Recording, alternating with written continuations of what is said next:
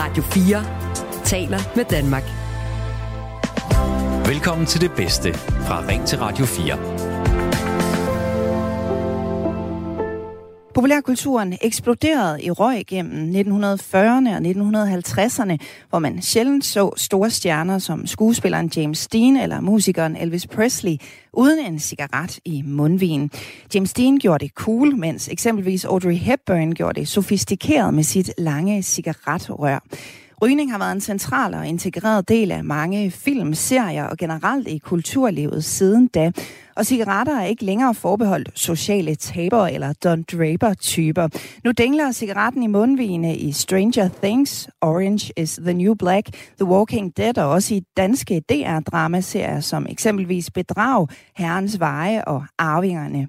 Og nu kan vi så igen finde cigaretrøg på det store lærred i de danske biografer.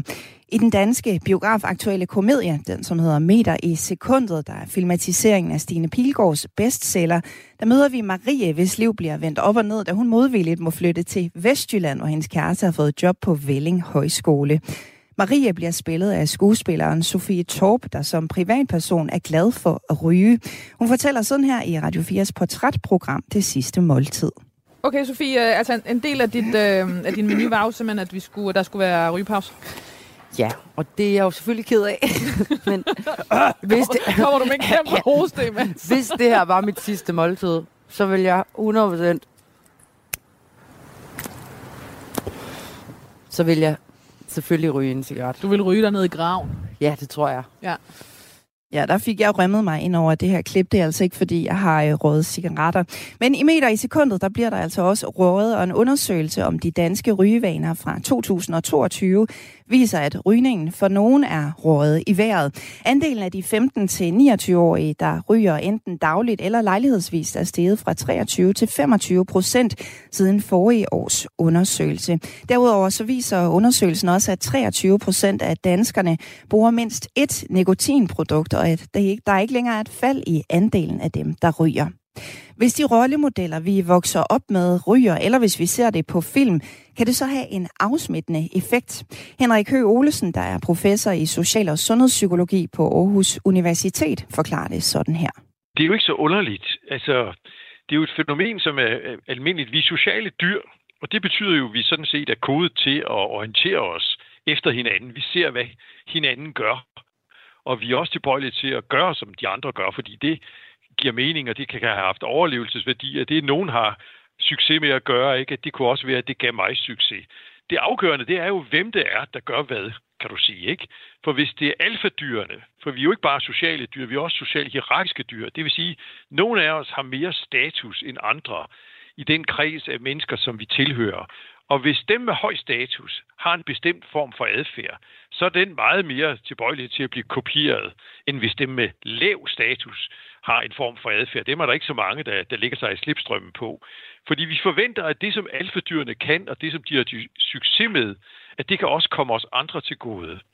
Så vi øh, imiterer hinanden, vi efteraber. Det er det, man kalder mimesis. Det er en del af sociale dyrs adfærdsmønster, ikke? at de følger med i, hvad hinanden laver, og kopierer det, der ligesom er helt med.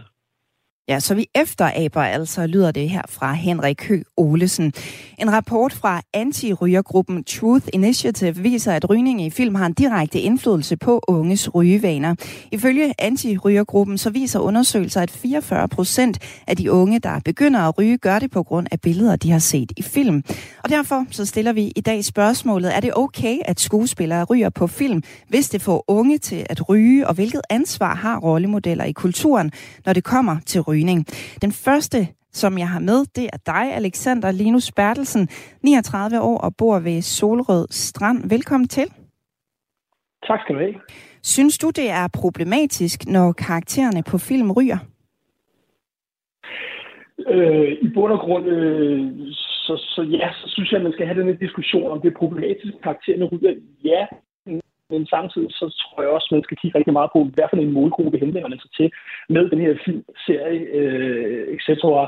i forhold til de her ting her. Så jeg synes, man bør have snakken, og så synes jeg, at man bør overveje kraftigt, men hvem er egentlig målgruppen til det her, før man, øh, før man øh, lader en karakter underbygge, øh, eller underbygge karakteren med eksempelvis en cigaret.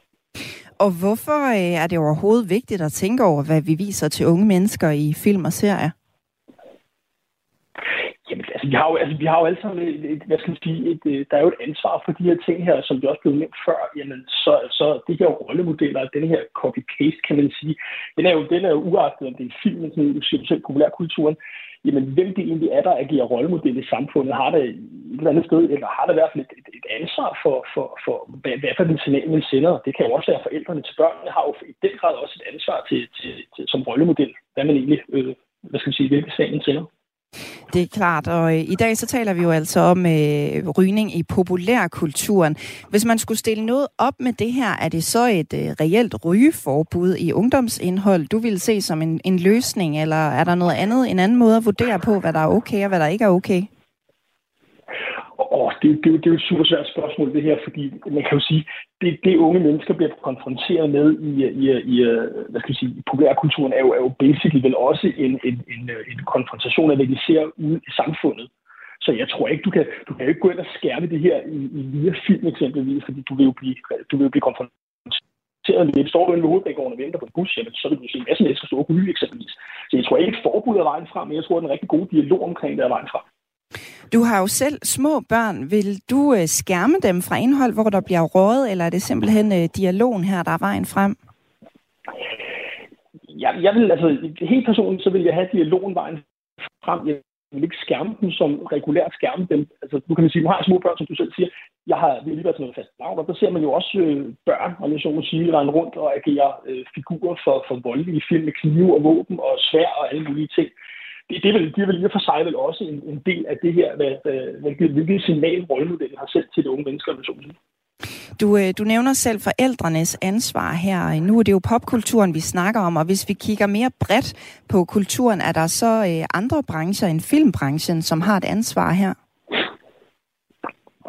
Ja, det, det vil der jo være. Der vil jo være, altså, nu har det været meget om medierne med influencer og de her ting her med, med diverse sociale medier, som unge mennesker notorisk er på og, og øh, følger de her, øh, de her øh, hvad skal jeg sige, influencer på, på nettet, de har vel også i den grad en, en, et kæmpe ansvar for, hvilken signal de sender, og det er vel uagtet, de er, altså, det, det er jo alle mulige, det er jo både inden for rygning og så videre, men, men, men, øh, men, men ser du historisk set på det, har man jo også i sin samtid haft, øh, haft eksempelvis øh, DR-serier, som har illuderet, eller som har vist øh, samfundskulturen i forhold til druk, øh, hvor der blev drukket massivt. Det viser man jo stadig den dag i dag. Det er jo stadigvæk igen at have en dialog omkring tingene.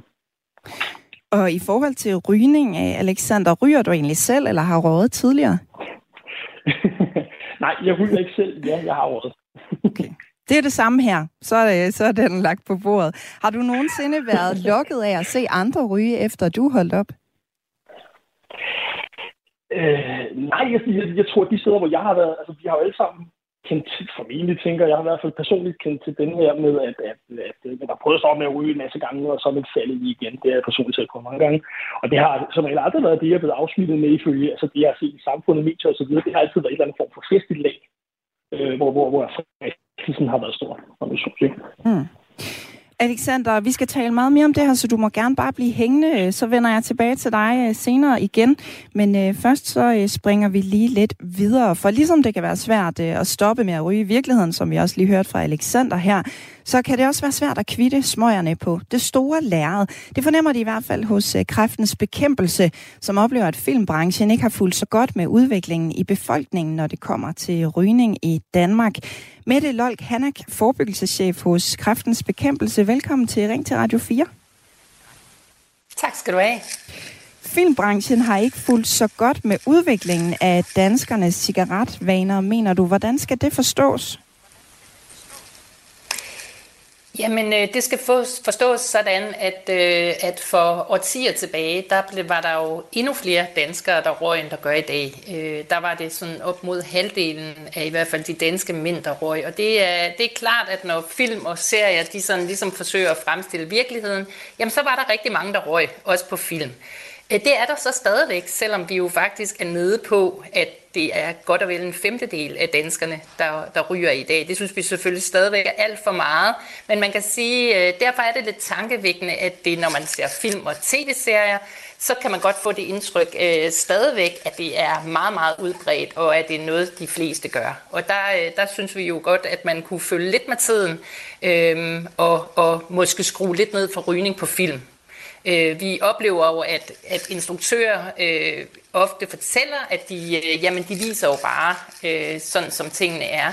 Og hvis man skal tage det alvorligt, jamen, så skal man jo også få, øh, få skruet ned for det her, for der er faktisk ikke så mange danskere, der ryger i dag, som der var måske for 20-30 år siden. Og du mener også, øh, at cigaretter bliver brugt lidt fantasiløst, når det kommer til eksempelvis øh, film og serier. Hvorfor det?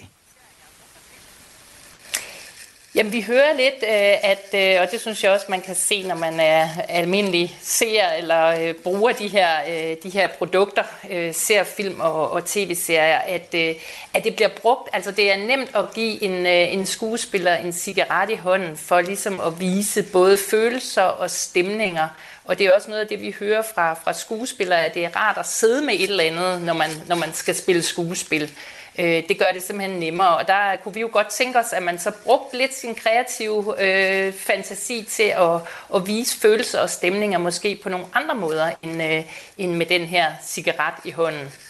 Nu øh, springer jeg lige ud af manus et øjeblik og hører, har du et øh, headset, der måske krasser lidt mod en bluse eller noget? Det kan godt være. Nu prøver jeg lige at rykke lidt på det. Er det bedre sådan her? Ja, det er markant bedre. Så du må undskylde, at jeg lige... Øh, Godt. Nu springer vi lige tilbage. Det er helt okay. Igen. Det er perfekt. Jeg vil jo gerne øh, høre ordentligt, hvad du har at sige her, for det er jo øh, ret interessant. I en undersøgelse af rygevaner i Danmark i 2021, øh, som I i Kraftens Bekæmpelse har lavet sammen med Sundhedsstyrelsen og Lungeforeningen og Hjerteforeningen, øh, viser, at andelen af 15-29-årige, som ryger enten dagligt eller lejlighedsvis, er steget fra 23 til 25 procent siden forrige års undersøgelse. Ved vi noget om, hvor stor en rolle kulturen spiller i den stigning? Nej, det ved vi ikke. Altså, det er meget, meget svært at sætte, øh, sætte procenter på det, men som, øh, som jeres kloge lytter, Alexander, også var inde på, så er der jo ikke nogen tvivl om, at, øh, at det, man ser, det er også på en eller anden måde, især når det er nogen, som man måske helte idoler, at det, de gør, det er også på en eller anden måde smitter af. Øh, men at sådan gøre det op i nøjagtigt, hvor mange øh, procenter, øh, der ligesom skyldes øh, Øh, rygning på film og, og hvad der skyldes andre ting, det, det kan man ikke rigtig sige. Tror du, at det vil kunne fungere øh, med et totalt rygeforbud i, øh, i alle kommende film og serier, hvis vi skal nedbringe øh, rygningen hos de unge? Nej, vi, vi går ikke ind for noget med forbud eller censur eller noget andet. Øhm, det vi godt kunne tænke os, at man måske øh, gjorde, det var en lidt større sådan bevidsthed om det i, i nogle af de her brancher, der laver de her kulturprodukter. Fordi det tror jeg faktisk ikke, at den bevidsthed er der. Det er lidt vores oplevelse, når vi har haft dialogen, at det ikke er noget, man har tænkt over. At det faktisk øh, ikke bare er en afspejling af virkeligheden, man, man fremstiller i, se, i serier og, og på film, men at man også påvirker virkeligheden øh, gennem de produkter, man laver. Så vi, vi synes, at det vil være godt, at man på en eller anden måde måske tager en, altså har en refleksion omkring det, eventuelt laver nogle kodex øh, i branchen selv, Øh, det, vil være, det vil være vejen frem set fra, fra vores synspunkter. Jeg synes, det er jo sådan noget, man gør også på andre områder. Det er en branche, som er optaget af også diversitet og mangfoldighed, og man har jo også forholdt sig til det her med vold og så videre, og måske er næste, næste skridt, at man også øh, kigger lidt på, hvordan man fremstiller øh, rygning. Vi taler netop i øh, Ring til Radio 4 i dag om øh, rygning i populærkultur. Jeg spørger dig, der lytter med, er det okay, at skuespillere ryger på film, hvis det får unge til at ryge, og hvilket ansvar har rollemodeller i kulturen, når det kommer til rygning? Du kan ringe ind på 72 30 44 44 eller sende en sms til 1424. Og øh, Mette Lolk Hanak, hvilket ansvar har kulturen og kulturens rollemodeller i det hele taget, når vi taler om rygning? Vi har alle sammen et, øh, et medansvar for, at, vi, øh, at der er stadigvæk er alt for mange børn og unge, for eksempel, der starter med at ryge, og det er der jo ikke nogen af os, der ønsker for hverken vores børn eller børnebørn, at de skal starte med en, øh, en, en så farlig vane. Og der tror jeg bare, at tiden er kommet til, at det ikke kun er lovgivning, regulering, men at vi også må kigge på, jamen, hvad er det for nogle andre mekanismer, der er med til at at skabe en kultur, øh, hvor der bliver rådet, og hvor man desværre stadigvæk i nogle, i, i nogle grupper synes, at det er, er smart og, øh, og cool at ryge. Og, øh, og der er jo ingen tvivl om, at de her, øh, de her øh, kulturproducenter også har et, et medansvar for det, øh, som vi godt kunne tænke os, at de var lidt mere bevidste om. Og I efterspørger altså også øh, mere selvreflektion i branchen netop. Hvordan skal sådan en øh, selvreflektion komme? Jamen i første omgang, så tror jeg, at øh, dialog og, øh, og samtale er vejen frem. Altså vi vil gerne, vi rækker ud til den her branche, jeg vil gerne have øh, dialog både med instruktører og producenter og skuespillere, sådan så de i hvert fald øh, ved, at øh, det har en betydning, hvordan de, øh, hvordan de optræder eller fremstiller rygning på film. Øh, jeg kan måske lige nævne, at vi sådan tidligere og stadigvæk har en god dialog også med musikbranchen, og hvor der jo er en del festivaler og, og øh, spillesteder, som har taget sådan et aktivt valg, for eksempel om ikke at vise rygning på deres promotion-materialer. Øh, man ved, at det også har en betydning. Så det er sådan noget i den dur, vi godt kunne tænke os, altså at man har lidt større bevidsthed om, hvornår man bruger rygning øh, som sådan en artefakt i film og tv-serier. Men absolut ikke et totalforbud, fordi det vil, øh, det vil, ikke, øh, det vil ikke være en god vej frem. Og tror du, at øh, sådan en øh, omgang selvreflektion i, øh, i branchen er realistisk? Ja, det tror jeg faktisk. Altså, det er lidt den oplevelse, vi har, øh, når vi har, har talt med blandt andet øh, instruktører, at, øh, at øh, når man har den her tilgang, vi kommer ikke og vi trække et eller andet forbud ned over nogen, men vi kunne godt tænke os, øh, at, øh, at I tænker lidt mere over, hvordan I bruger de her produkter, og så i virkeligheden oplysning om, at det rent faktisk har en betydning, øh, hvordan man fremstiller øh, rygning på film. Det, det er der ikke mange, der tænker over, det kan jeg jo egentlig godt forstå. De, øh, de brancher arbejder jo med at lave film og går ikke og, og forholder sig til rygning i dagligdagen. Så jeg tror egentlig, man kan komme temmelig langt ved at have den der gode dialog øh, og oplyse om, hvordan, øh, hvordan det faktisk påvirker især børn og unge. Tak fordi du var med i Ring til Radio 4, Mette Lol Kanak. Ja, velbekomme. Mette Lol Kanak er altså i forebyggelseschef hos Kræftens Bekæmpelse. Der er kommet et par øh, sms'er. Inger, hun skriver, Rita bliver genudsendt lige nu. Rita ryger konstant. Det er serien på, øh, på TV2, jeg selv har set. Det er da rigtigt nok. Der bliver, øh, der bliver rådet ret godt igennem. Jesper han skriver, jeg synes det er for meget, at man hele tiden skal høre om rygepolitik. Det er fuldstændig lovligt at ryge i et frit land, der ikke har gjort det forbudt. Og hvad med udenlandske film? Det er jo også et interessant øh, aspekt, Jesper. Lena hun skriver øh, lidt det samme. Kan man ikke bare tage og slappe lidt af omkring rygning på film? Og det kan da godt være, at vi skal gøre det. Det vi spørger om i dag, det er selvfølgelig, øh, om man skal begrænse det i forhold til de unge, som altså bliver øh, påvirket af at se rygning på film og øh, serier. Og nu vender jeg lige tilbage til øh, dig, Alexander. Hvad mener du om, øh, om de her sms'er, du jeg lige har øh, læst op? Synes du simpelthen, at det er lidt for meget? Skal vi slappe lidt af, som der bliver skrevet? Altså, jeg ved ikke, det er for meget, men, men, men øh, jeg, har, jeg har selv lige godt tænkt på lige præcis den, der kom op her lige før med, med øh, jamen, det kan godt være, at vi går ind og snakker omkring øh, nationale film og den gode dialog og alt det her, men vi må vel også, altså, når jeg åbner for tv og så videre og ser på, på hvad for nogle film, der ellers kommer fra forskellige streamingtjenester, så ser vi jo også, øh, altså, for hovedparten af dem er jo altså også internationale film, hvor at måske en rygekultur er, er anderledes end, end, end, end det, vi har i Danmark et eller andet sted. Så jeg tror igen også for at understrege øh, øh, øh det, der blev sagt før med, at du kan ikke, et forbud er ikke bare frem. Øh, det er øh, lovligt at, at ryge i Danmark, som det er. Øh, og jeg synes ikke, at man bør indføre et forbud, når man begynder at snakke om film eller noget som helst andet. Men det er en god dialog, og så den her med, at man taler med, med, med de unge om det, øh, frem for, frem for, for at afskærme dem for det. Du spurgte mig, om jeg vil afskærme mine børn. Nej, det vil jeg ikke. Jeg vil tage en dialog med dem, for jeg kan ikke afskærme dem for det. Og øh, når vi netop taler med øh, om udenlandske film og serier, så, øh, så kan jeg fortælle, at en rapport fra antirygegruppen Truth Initiative viser, at øh, der i de otte afsnit af første sæson af Netflix-serien, der hedder Stranger Things, der blev øh, rådet eller vist billeder af cigaretter i intet mindre end 182 scener. I anden sæson, der var det øh, antal steget med 44 procentpoint, og der er der 262 scener med folk, der ryger. Ifølge den her rapport, så øh, spiller rygning en fremtrædende rolle i fire ud af fem af de mest populære programmer øh, på Netflix, som ses af de øh, 15-24-årige. Så det er jo altså også øh, værd at tage med.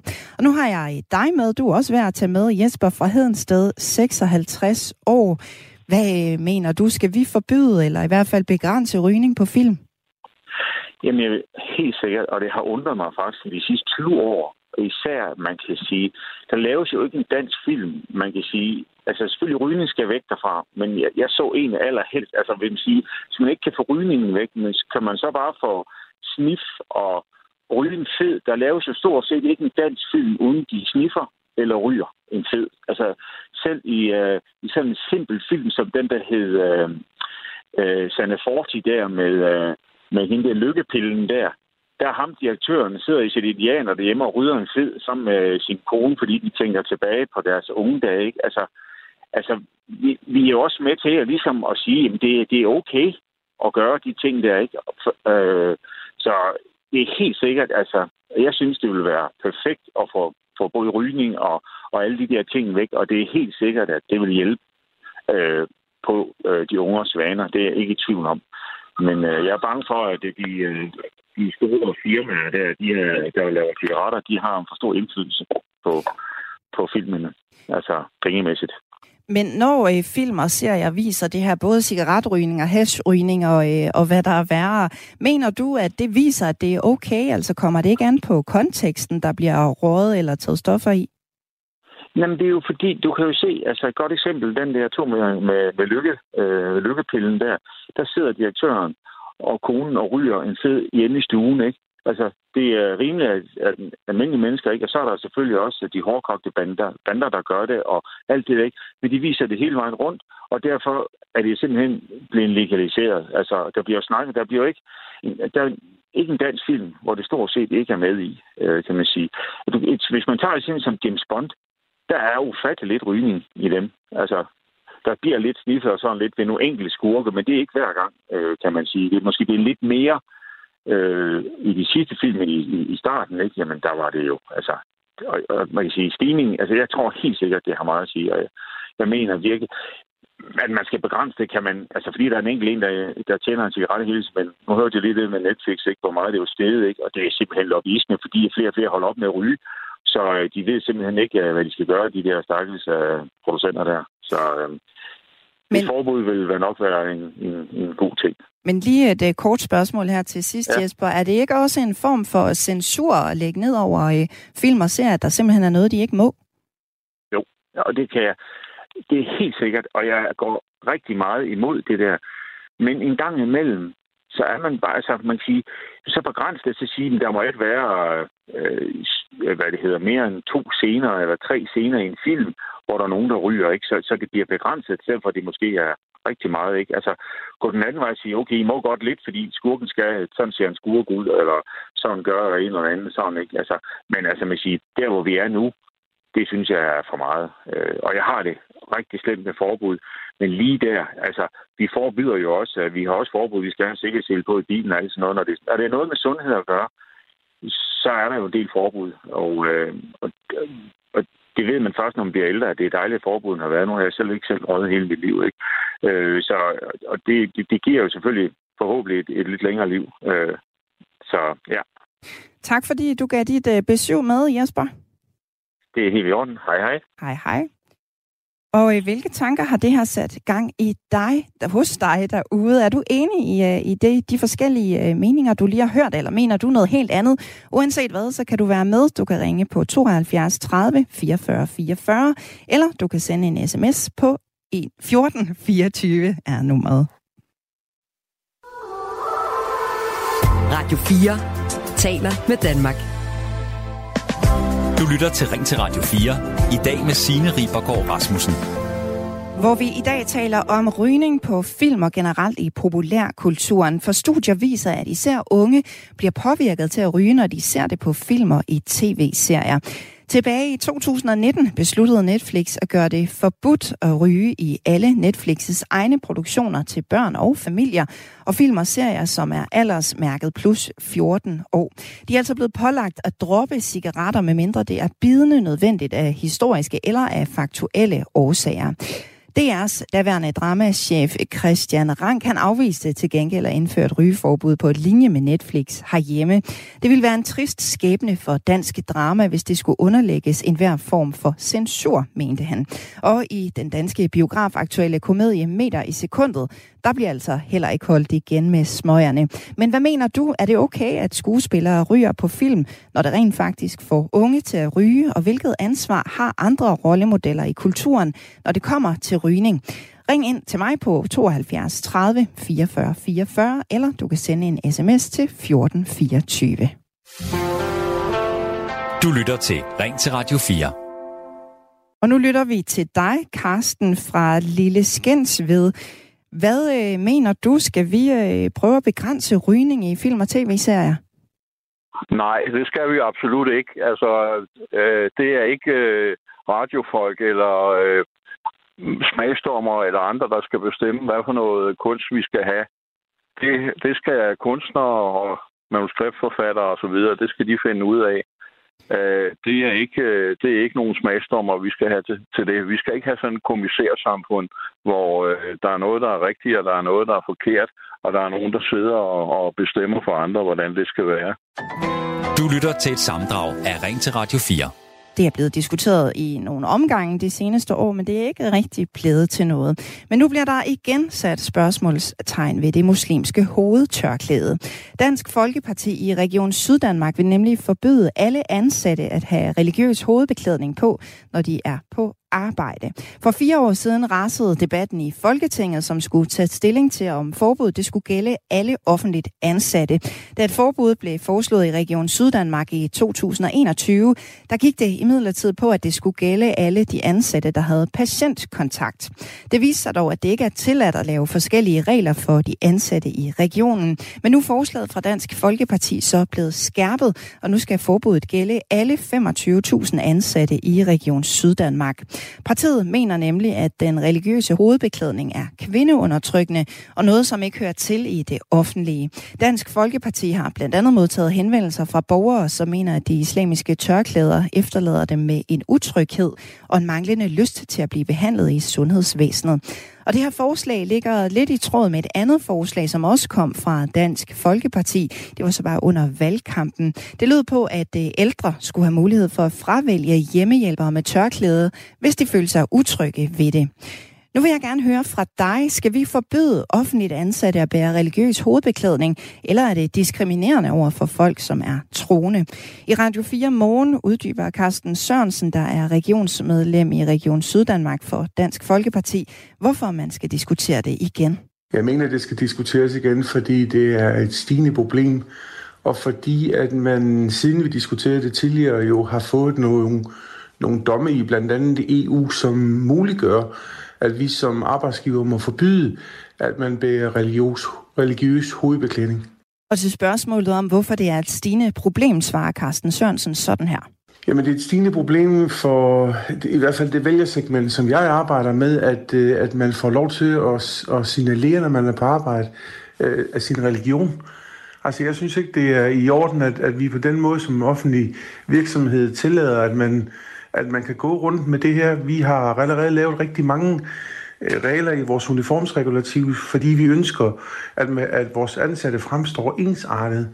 Og det gør man jo ikke på den her måde her, og derfor så synes vi faktisk, det er fair, at religion det er en privat ting. Det behøves vi ikke som offentlig virksomhed at, at understøtte. Og derfor så vil vi gerne vil have forbudt, at man var god med det her religiøse hovedbeklædning, når man er på arbejde. Det er altså anden gang på to år, at Dansk Folkeparti vil forbyde tørklæder i Region Syddanmark. Men Kim Johansen, der er regionsrådsmedlem i Region Syddanmark for Socialdemokratiet, mener, det er forfejlet, at man tager den her diskussion op. nu kan det godt ske, at vi skal styre Region Syddanmark, eller Carsten Sørensen mener, at vi skal styre Region Syddanmark efter, hvad hans vælgersegment de mener eller synes. Jeg synes bare, det er fuldstændig forfejlet, at man begynder at tage den diskussion herop. Der er frihed i Danmark til at, at, at kunne øh, organisere sig, have den tro, man vil, eller ønsker at have. Og da det ikke har nogen indvirkning på, jeg har aldrig nogensinde fået en henvendelse på, at det skulle være øh, medarbejdere eller borgere, som synes, det er forkert, at folk har religiøs hovedbeklædning på. Tørklædedebatten holdt for fire år siden folketingspolitikerne beskæftigede. Dengang i 2019 handlede det om alle offentligt ansatte. Da et forbud senest blev foreslået i Region Syddanmark, altså i 2021, gik det imidlertid på, at det skulle gælde alle de ansatte, der havde patientkontakt. Det viser dog, at det ikke er tilladt at lave forskellige regler for de ansatte i regionen. Men nu er forslaget fra Dansk Folkeparti blevet skærpet, så forbuddet skal gælde for alle 25.000 ansatte i Region Syddanmark.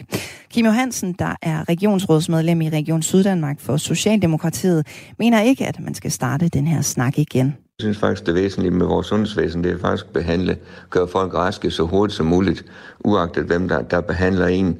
Og øh, når jeg kommer på sygehus, så vil jeg gerne behandle sig den bedste kompetence, vi overhovedet har til rådighed. Om de har religiøs hovedbeklædning på eller ej, det er jeg sådan set ligeglad med. Hvis jeg står i den situation, jeg skal helbredes, så må det være det vigtigste af alt, at man bliver helbredt og kommer hurtigt ud af sundhedsvæsenet igen øh, på den anden side. Så, så for mig at se, der drejer det her som noget helt andet, at man forsøger at sætte folk i bås, fordi man bærer, bærer en religiøs hovedbeklædning, og det synes jeg er forkert. Man skal mere fokusere på, hvordan får vi rekrutteret, hvordan får vi fastholdt, hvordan får vi nedbragt vores ventelister, og det gør vi ikke ved at starte den snak her igen. Sådan blev det altså sagt i Radio 4 morgen i dag, og det var klokken 7.35, hvis du selv vil ind og øh, finde podcasten og høre hele indslaget her. Men hvad mener du altså dig, der lytter med derude? Skal vi forbyde offentligt ansatte at bære religiøs hovedbeklædning? Eller er det diskriminerende over for folk, der er troende? Og en af dem, som har blandet sig, det er dig, Ella fra Vammen på 88 år. Velkommen til. Tak for det. Hvad øh, mener du, eller skal vi forbyde øh, offentligt ansatte at bære religiøs hovedbeklædning? Ja, det synes jeg, vi skal. Nu, øh, som sagt, øh, har du også lige fortalt, hvor gammel jeg er, og jeg har en, en anden religion, og, og jeg mener, dem, der kommer til Danmark, er mange, rigtig mange søde mennesker, men de skal ikke ligesom provokere med at gå med tørklæde, synes jeg. De skal følge vores skikke her i landet, hvis de vil være her. Og det er min holdning. Det er jo ikke kun folk, der kommer udefra, der bærer et tørklæde. Det er jo også folk, der er født og opvokset i Danmark. Hvad så med dem? Ja, men de har jo slet ikke behov for det, for det er jo, det, der tror jeg altså ikke på, at deres tro er så stærk, at hvis det ikke var igennem forældrene, så tror jeg ikke, de havde haft den opfattelse. Det er jo, det, der er jo også tale om voksne mennesker. Tror du ikke selv, de har besluttet det? Jo, det, altså, det ved jeg så ikke, om de har. Men jeg synes bare, det er et skik imod, et stik imod øh, danske lov. Og det er, at, at de skal gå med sådan en tørklæde om. Og ikke fordi så jeg har talt med mange og, og kender en hel del og, og har god erfaring for det. Men hver gang jeg ser et tørklæde, så er det ligesom, det vender sig i mig. altså for eksempel i supermarkedet, hvis der sidder en dame med tørklæde i min kasse, så går jeg aldrig derhen. Okay, hvordan kan det være? Jamen, det kan jeg ikke sige dig. Det er min opvækst, tror jeg. Den måde, jeg har, har lært, uh, som, som tiderne var dengang, og jeg ved godt, tiden er blevet anderledes nu, ikke også? Og det skal man måske også ligesom passe efter. Jeg synes jeg også, jeg har gjort. Men øh, jeg synes også, dem, der kommer her til landet, de må sørge følge vores skikke. Tak fordi... De får, kommer her til landet og får et rigtig godt liv og får alt verdens ting, det betyder ikke er vant til, så må de også indrette sig efter vores skikke, synes jeg. Tak fordi uh, du var med med din holdning, Ella. Ja, selv tak, og have en god dag. I lige måde. Der er kommet en sms, som øh, der er desværre ikke navn på, så jeg ved ikke, hvem den er fra. Men det er en, som øh, modsat Ella er måbne, skriver sådan her. Jeg er måbne over for, at vi i 2023 skal diskutere dette her igen, igen, igen. Det kan skulle da være hammerne ligegyldigt, så længe det ikke går ud over behandlingen. Og den her har jeg jo lyst til at tage med tilbage til øh, dig, Bo. Er du øh, enig i det? 120 procent. Ingen tvivl om det. Øh, jeg har jo som sagt set det på, på, på første hånd, ikke også? Og siddet med, med en sygeplejerske, som, som var der hele tiden. Øh, også ud over det, hun behøvede at være for min far. Øh, og samtidig fandt sig i alt muligt andet fra andre pårørende og andre patienter, der sagde knap så fortærende ting. Øh, Og, og, og faktisk, den ene af dem, min far lå på stue med, og det her, det er fire måneder før han dør. Øh, han ville ikke have, at hun rørte ved ham. Altså, så jeg har jo set det fra begge sider, ikke? også? jeg synes, det er modbydeligt. Og jeg må indrømme, at skikken, som der bliver nævnt lige før, øh, omkring, hvad hedder det, øh, omkring at tiderne er skiftet og sådan noget. Ja, det er den. Men nu er min far også oppe i alderen, ligesom jeg selv også sent har fået børn. Øh, og hvad hedder det? Jeg må indrømme, at hvis jeg kigger tilbage til den tid, hvor hun kom fra, hende der lige var før, ikke Ella hun hed, Jo, lige præcis. ja, så var det faktisk rigtig, rigtig, rigtig normalt. Det var måske ikke religiøst, men, men det var rigtig normalt, at kvinder, gifte kvinder også, men især kvinder, havde et tørklæde rundt om deres ansigt, eller rundt om deres hår, når de gik ud. Det er det, hun er vokset op med. Mm. Så jeg ser bestemt ikke, at det skal, det skal lægges over på, på noget andet, øh, når det kommer til, til, til de kvinder, vi ser ude på arbejdsmarkedet. Men jeg synes et eller andet sted, vi skal være glade for, at vi har så kompetente folk derude, uanset om de går med tørklæde på eller ej. Og sådan øh, fik vi så fint øh, rundet den debat af. Tak fordi du var med til det, øh, Bo Kirshoff. Velkommen. Du lytter til et samdrag af Ring til Radio 4. Den britiske børnebogsforfatter Roald Dahls bøger er blevet gennemgået af forlaget Puffin for at fjerne sprog, som forlaget finder upassende eller stødende. Lad mig lige give et par eksempler. Ordet fed er blevet fjernet, det skriver det britiske medie The Guardian, og det samme gælder ordet grim. For eksempel så bliver karakteren Augustus Gloop fra Charlie og Chokoladefabrikken beskrevet som enorm frem for tyk. I bogen Heksene stod der oprindeligt, at hekse er skaldede under deres parrykker. Nu står der, at der er masser af grunde til, at kvinder bærer parrykker, og det er der bestemt intet galt med. Den her form for redigering har fået forfatteren Salman Rushdie til tasterne. Roald Dahl var ikke nogen engel, men dette er absurd censur. Puffin Books og Dahl-selskabet bør skamme sig, skriver Rushdie på Twitter. Og det er ikke bare en tilfældig redaktør, der har læst bøgerne igennem. Det er de såkaldte sensitivitetslæsere, der står bag ændringerne. Og det er på ingen måde et nyt fænomen i lande som Storbritannien og USA. Begrebet her, det dækker over tekstlæsere, som har for øje at spotte krænkende indhold, stereotyper og fordomme. Men hvad mener du? Har vi brug for de her sensitivitetslæsere, som sørger for at fjerne stødende indhold i bøger? Og er der forskel på, om der er tale om gamle eller nye bøger? Og så velkommen til dig, Kevin Grovleff. Hallo. Du er 31 år og fra Nyborg. Du er en af vores faste lyttere. Hvad synes du om øh, det her med at omformulere eller helt fjerne stødende indhold i bøger? Men altså, man kan jo sige, det er jo to spørgsmål. Jeg synes, det er fint nok, at man retter det til, øh, hvis det er fordi, at det går hen og bliver, hvad man kan karakterisere som mobning. Men jeg synes ikke, man skal gå hen og rette en bog. For eksempel, nu snakker vi om, øh, om forfatteren, der har lavet Charlie og Chokoladefabrikken. Jeg synes ikke, man skal gå hen og fjerne ord, fordi man finder om stødende for eksempel tyk. Nu er jeg selv gammel, overvægtig person, så øh, jeg har da også haft mit, før, at, før at, det endelig lykkedes for mig at tabe mig og leve en sådan livsstil. Mm. Jeg synes, det er noget pjat. Det er noget pjat. Er der så forskel på, om det er gamle eller nye bøger, vi taler om? Det er der jo den forstand, at gamle bøger er skrevet i en, øh, øh, til, til en samfundssind, som måske har udviklet sig siden da. Og hvad så med øh, i forhold til, om det er bøger til børn eller voksne? Er der forskel på det?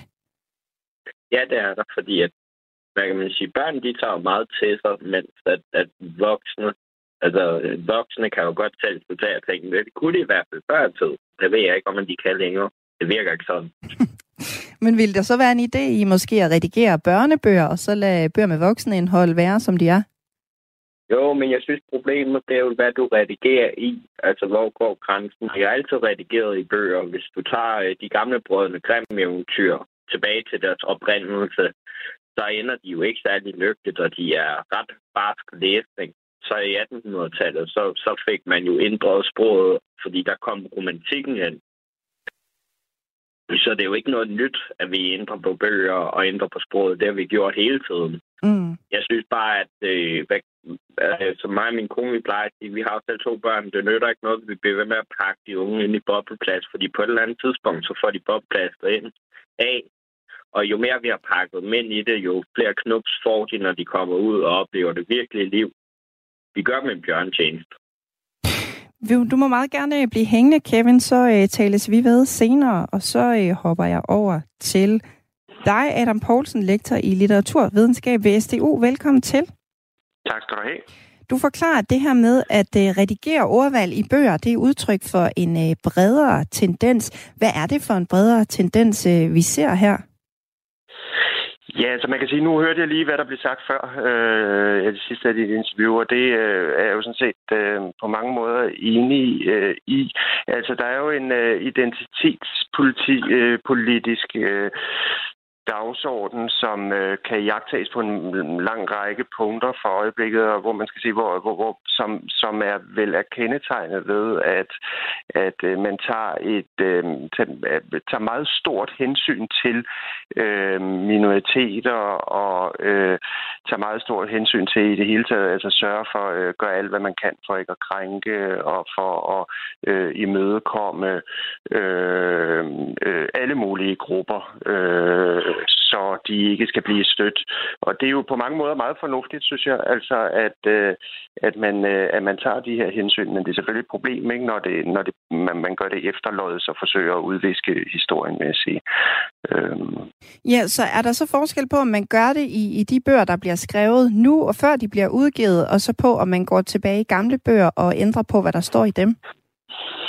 Ja, det er et godt spørgsmål. Altså, forbud, censur og tabu og den slags er jo aldrig en god idé, eller som udgangspunkt det er sjældent en god ting for noget, vil jeg sige. Øh, men, men altså, hvad der foregår i, altså blandt, øh, eller øh, mellem forlagsredaktøren og, og digteren, det, det, det har vi jo alligevel ikke så, altså det har vi jo ikke adgang til. Det er jo en sådan rimelig, det er jo et lukket rum, kan man sige, ikke? Og der er jo altid foregået alle mulige overvejelser øh, om, hvad man skulle skrive eller ikke skrive. Så, så, men, så altså, jeg synes, der, der er en altså, altså det vil jeg have svært ved at udtale mig om egentlig, ikke? Men når man ser på det historiske, ikke, så er det jo, så synes jeg, det er et problem at gå tilbage og ville retusere eller øh, altså viske noget ud, der allerede er skrevet. Altså, øh, det vil jo, øh, synes jeg også, øh, det er svært at, at lære af fortiden, når man, når man øh, udvisker fortiden, så at sige. Ikke? Så, så, øh, så vil jeg være, altså det synes jeg er ret problematisk. Den anden side, altså hvor vidt man vil gå i selvcensur i dag, det er et andet spørgsmål, synes jeg. Men hvorfor er det problematisk at, øh, at redigere i, i noget, som er skrevet? Altså for eksempel det her eksempel, jeg kom med, at man ændrer tyk til enorm. Hvordan, mm. hvordan kan det være problematisk? Ja, altså nu kan jeg ikke rigtig se, altså nu, nu kender jeg ikke den konkrete sag andet end det, der lige har været bragt i, i, øh, i pressen, og det er, som du siger, sådan noget som tykker enormt. Det kan jeg faktisk ikke se. Jeg spurgte min datter, som øh, er 19, jeg spurgte hende om, øh, om hun kunne se nogle forskel der. Hun er sådan rimelig, hvad skal vi sige, øh, ømskindet med sådan nogle ting, og hun kunne slet ikke se en forskel. Hun synes tværtimod, altså, at enorm måske var, var værre end øh, tyk var. Så, så, men altså, øh, det er jo, altså, altså man kan sige, der er jo to ting i det. Der er jo, altså Altså, den kunstneriske frihed bør være, synes jeg, ret, øh, ret vidtgående, øh, og jeg synes ikke, man kan... Altså, det er klart, hvis man øh, øh, skriver en avistekst øh, og som øh, almindelig journalist, så kan man selvfølgelig godt gøre alt, alt muligt for øh, at imødekomme almindelige øh, Øh, hvad skal vi sige, sprogbrugsnormer øh, og hensyn til minoriteter osv. Men, men en kunstner, synes jeg, som udgangspunkt skal have lov til øh, at skrive, hvad han eller hun vil. Øh, og, og der er jo mange, kan man sige, også samtidige værker, øh, især kan man sige vel til, til voksne, altså øh, Michel Ulbæk for eksempel, for at tage en, der også nyder, altså bliver læst meget bredt, øh, også herhjemme, ikke, som jo bruger, øh, altså benytter ord, og termer, som, som øh, en journalist aldrig nogensinde ville tage i sin mund. Øh, og vi alligevel altså, altså læser og lader os udfordre og provokere af. Og sådan bør det være, synes jeg, når der taler om kunst. Så, så øh, altså, der er en meget øh, vidtgående frihed til at skrive, hvad man nu øh, måtte have lyst til.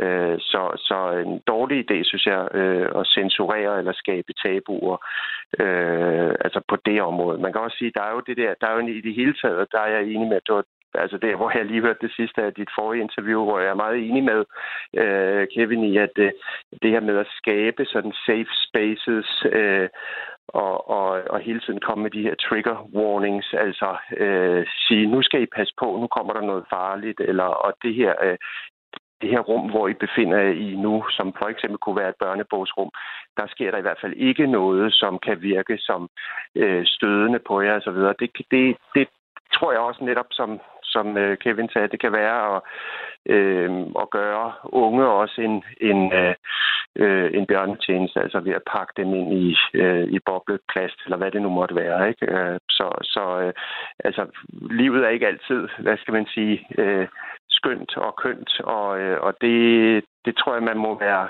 øh, det tror jeg, man skal øh, acceptere, altså at man også kan komme ud for, for øh, at møde ord, som støder en. Ikke? Du lytter til et samdrag af Ring til Radio 4. I Storbritannien, der, der viser et nyt studie, altså at der er flere parametre på arbejdspladsen, som netop bliver forbedret ved at køre med den her fire-dages arbejdsuge. Og nu skal jeg tale med en, der ved uh, rigtig meget om det danske arbejdsliv. Det er uh, Janne Gleup, arbejdslivsforsker ved Roskilde Universitet. Velkommen til dig. Tak skal du have. Det kan jo øh, lyde sådan helt idyllisk med en ekstra weekenddag og en fire-dages øh, arbejdsuge. Der har været forsøg med det i øh, blandt andet Esbjerg og Odsherred herhjemme, men alligevel så er det jo ikke normen i Danmark. Burde vi i højere grad lave sådan et fire-dages samfund, så alle, eller i hvert fald dem, hvor det kunne give mening, kunne arbejde fire dage om ugen?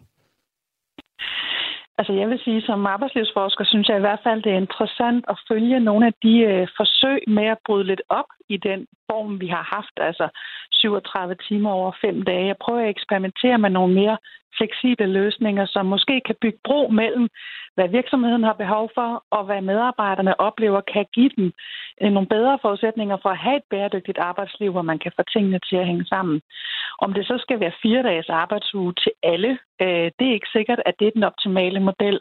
Men det, at man går nysgerrig i det, der undersøger, hvad passer egentlig til vores arbejdsplads og til vores opgaver og, og medarbejdergrupper, kan vi øh, ryste posen og nytænke det her, så folk kan få mere indflydelse på, hvornår de arbejder, og hvordan de kan få deres familie- og arbejdslivsbalance til at gå op. Så synes jeg, det er spændende. Hvorfor er det ikke normen i, i Danmark, at man arbejder altså enten de her fire dage om ugen, eller i hvert fald øh, er sådan lidt kreativ med, øh, hvordan man går på arbejde? Jamen altså, i mange, mange år har det jo været sådan, at vi har haft en femdages arbejdsuge. Det har man internationalt, det har vi herhjemme, og når så noget skal ændre sig, altså det er længe siden, vi havde en seksdages arbejdsuge, og lørdagen var en normal arbejdsdag. Når sådan nogle ting ændrer sig, øh, så går det jo træt for sig. Øh, der er mange overvejelser og hensyn, der skal tænkes med, når man laver om. Jeg tror, at en af årsagerne til, at der er kommet så stor interesse for at ryste posen lidt og arbejde på nogle andre måder, det er, at der på mange arbejdspladser øh, under covid-nedlukningerne øh, øh, var mange, der gjorde sig erfaringer med, at man kan bruge de digitale redskaber. Man kan faktisk godt i nogle grupper, for nogens vedkommende, få nogle gode vilkår for at arbejde produktivt, når man er hjemme. Man kan bruge nogle digitale mødeformater. Og pludselig fandt man ud af, at måske er der nogle muligheder her, vi faktisk bare ikke har taget i brug, fordi vi har haft for meget vanetænkning. Øh, og det er jo noget af det, som, som, som rigtig mange gør sig erfaringer med nu, men der er også udfordringer forbundet til det. Hvad er det for nogle udfordringer? Jamen altså, øh, som der blev nævnt før øh, i den tidligere lytter, som var inde, altså noget af det, vi er opmærksom på, også fra en arbejdsmiljøsynsvinkel, det er, risikerer man, at man får lavet et arbejdsmarked, hvor, hvor arbejdet bliver så komprimeret, fordi man skal nå den samme opgavemængde på kortere tid, og man så får sådan lidt mere presset og tilspidset arbejdsliv, hvor man så hjerner igennem de fire dage, man går på arbejde, for så at kunne få lov at have øh, tre eventuelt sammenhængende fridage, så kan det jo godt være, at man ikke overvinder øh, arbejdsmiljøproblemerne, men bare forskyder dem, så de slår ud på nogle andre måder. Så er vi jo lige vidt. Så det gælder om at finde nogle løsninger, hvor folk faktisk oplever, at den måde, man får det flettet sammen på, kan give noget luft og nogle tilpasninger i forhold til ens liv i øvrigt, øh, som kan gøre en positiv forskel. Det er jo altså ikke så udbredt med sådan en øh, fire-dages arbejdsuge i Danmark i hvert fald ikke øh, endnu, men det lyder jo som om, at der er mange positive sider ved det. Kan man ændre på det, tror du, så det her bliver mere udbredt? Ja, altså lige nu, der går det jo rigtig stærkt. Altså, der er masser af eksempler på virksomheder på det private arbejdsmarked, og internationalt gør der, gøres der også rigtig mange forsøg. Og vi forsøger jo så også i forskningen at holde trit mere på at få afdækket, hvad er det så faktisk, der sker øh, ude på arbejdspladserne? Hvad bliver effekterne af det? Der er jo stor forskel på, om det er offentlige eller private virksomheder, vi har at gøre med, så der er rigtig meget, der skal tænkes ind. Øh, men jeg tror, at den her proces, hvor vi ser mere og mere fleksible øh, ordninger omkring, hvornår man arbejder og hvor man arbejder, det er en udvikling, som, som vi ikke kommer til at bremse, og som måske også kan betyde, at vi over tid får ændret lidt mere grundlæggende ved de der grundnormer, vi har på arbejdsmarkedet. Øh, men det er jo også en politisk diskussion, om man ønsker det. Øh, så øh, der, er mange, øh, der er mange forhold at tage med i betragtning flere øh, kreative virksomheder i Storbritannien, som har deltaget i det her, øh, den her undersøgelse, jeg nævnt før, øh, som er lavet af Cambridge øh, University, frygter, at der forsvinder noget af den her sådan spontane idéudvikling over en kop kaffe, for eksempel, øh, er en mm. kortere arbejdsuge for alle, altså alle, hvor det kan lade sig gøre rent praktisk. Ja, altså igen, det kommer meget an på, hvad det er, man producerer. Jeg synes, det der med, at der er noget øh, uformelt luft i arbejdsdagen, hvor man lige får snakket lidt sammen på tværs. Det kan jo gøre noget for den sociale sammenhængskraft. Det kan faktisk også gøre noget for den faglige kvalitet, at man møder sine kolleger, man har nogle rytmer en hverdag sammen med andre i en organisation, hvor man hører til og skaber noget med andre. Det er også noget, vi ved er rigtig vigtigt for trivsel. Så man skal også nogle gange passe på, at man ikke for hurtigt finder nogle fleksible, måske nogle hyperfleksible måder, hvor at man til synligheden kan imødekomme alle, øh, men til gengæld får man en organisation, som ikke hænger sammen, hvor højre hånd ikke ved, hvad venstre hånd gør, og folk aldrig på arbejde på samme tid. Der opstår ikke rigtig de der rytmer af sammenhæng, som er med til at give mening. Så det er noget med at finde balancen, hvor man på den ene side får sikret alle de behov for at have noget fælles, noget kontinuitet og noget rytme og noget bæredygtighed, øh, samtidig med, at man kan tage lidt flere hensyn individuelt, og folk kan få lidt mere kontrol over, hvordan og hvornår de arbejder, øh, så de oplever, at de kan få lidt mere indflydelse på, hvordan deres liv faktisk udspiller sig. Man kunne måske godt forestille sig, at øh, lige når sådan en fire-dages øh, arbejdsuge bliver indført, at så er medarbejderne meget motiveret for at give den øh, fuld gas, fordi de skal jo nå mindre på kortere tid. Men kunne man ikke risikere, at de her fire arbejdsdage på sigt går hen og bliver lige så ineffektive, måske voldsomt nok udtrykt, men du ved, hvad jeg mener, som, mm. som da der var fem arbejdsdage? Jo, altså det kan vi jo ikke afvise. Øh, vi har jo mange af de her forsøg, de er jo relativt nye, og det er klart, at de nyder jo også øh, offentlighedens opmærksomhed. Alle er meget optaget, når man omlægger til en fire-dages arbejdsuge. Hvordan får vi nogle smartere måder at holde møder på? Kan vi omlægge arbejdsorganiseringen, så vi bliver mere effektive? Øh, og alt det, det skaber sådan en kollektiv nysgerrighed på arbejdspladsen. Man vil sørge for det her til at virke, og det er jo positivt. Men spørgsmålet er, om man over tid kan opretholde øh, det fokus.